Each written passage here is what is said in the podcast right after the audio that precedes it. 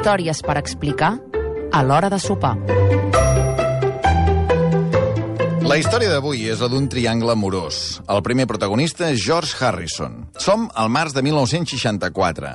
Els Beatles ja són el grup més famós del planeta. Estan en ple rodatge del que serà el seu debut cinematogràfic, A Hard Day's Night, Que noche la d'aquell dia, com es va titular en espanyol. Són a punt de gravar una escena en què Paul McCartney, John Lennon, George Harrison i Ringo Starr juguen a cartes en un vagó de tren mentre quatre noies els observen. I sona aquesta cançó. Should've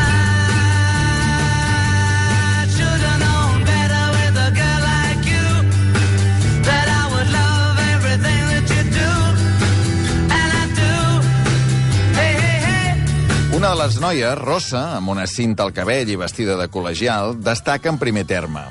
És una model que han contractat com a extra. George Harrison s'hi fixa de seguida, no para de mirar-la mentre graven aquella escena. Ella, evidentment, se n'adona. Flirtegen durant la resta del rodatge i sembla que la cosa va endavant. Es diu Patty Boyd i és la segona protagonista d'aquesta història. Tenim George Harrison i tenim Patty Boyd.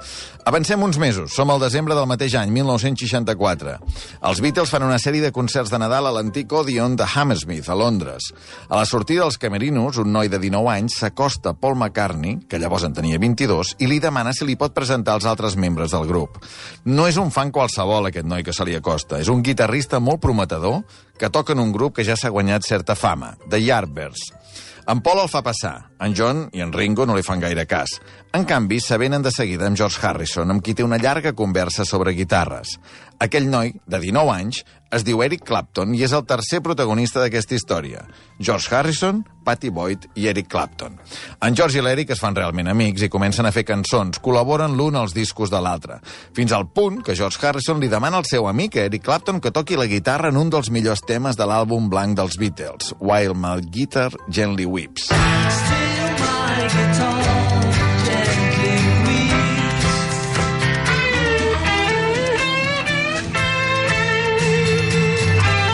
Clapton viu a mitja hora de la casa de Harrison a Esher, a prop de Londres.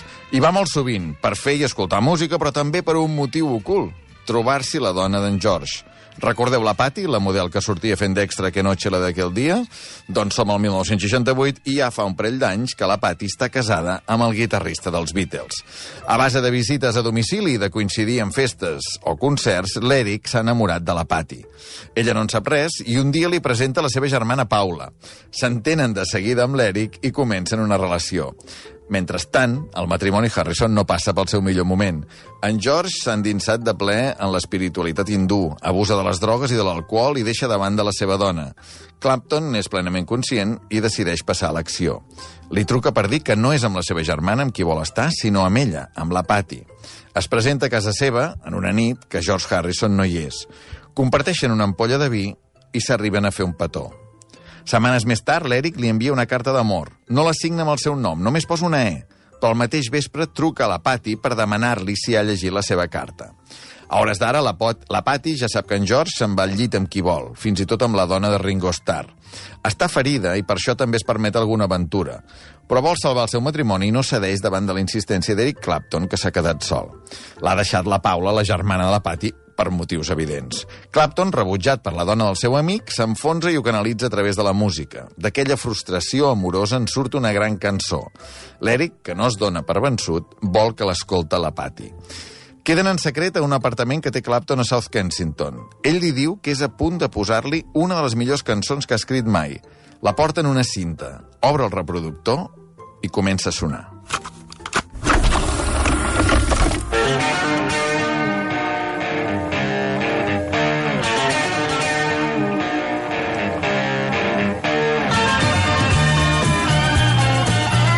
Eric Clapton s'ha inspirat en un antic poema persa per escriure la lletra, la història d'un home que s'enamora perdudament d'una dona, però és un amor prohibit. Entre altres coses, diu vaig intentar donar-te consol quan el teu home t'havia decebut. Com un idiota, em vaig enamorar de tu i vas posar el meu món cap per avall. Try to give you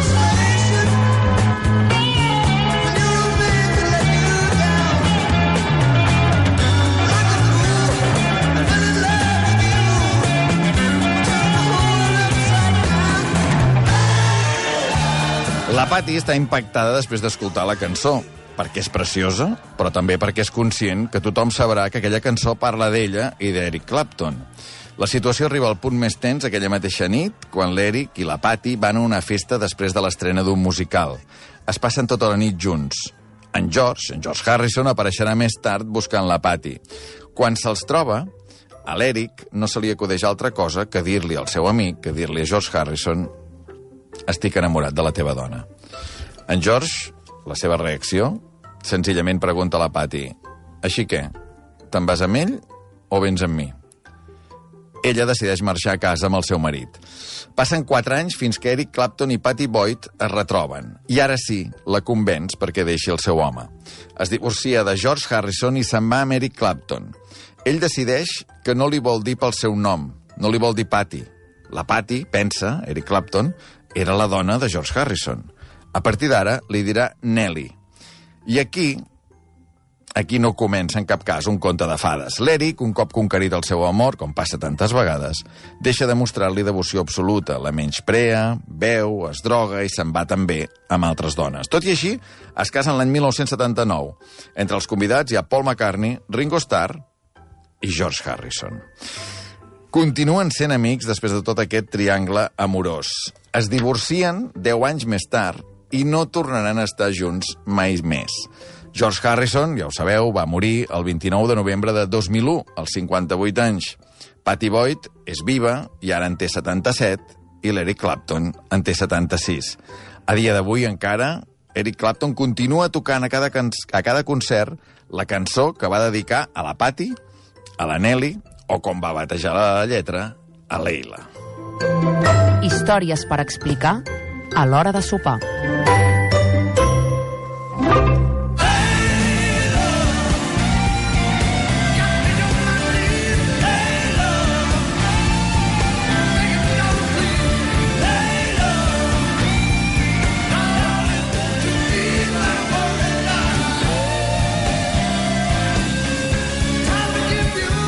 Doncs amb la història d'aquest triangle amorós de George Harrison, Patty Boyd i Eric Clapton, eh, acabem avui a Islàndia, tallant el bacallà, Adrià Ribas al control tècnic, Eva Catalán, Mireia Ardèvol, Marc Ferragut, Maria Xinxó i Albert Tom. Una pausa i de seguida arribarà l'Agnès Marquès amb el nou c Nosaltres tornarem demà a les 7, demà divendres. Que vagi bé, bona nit.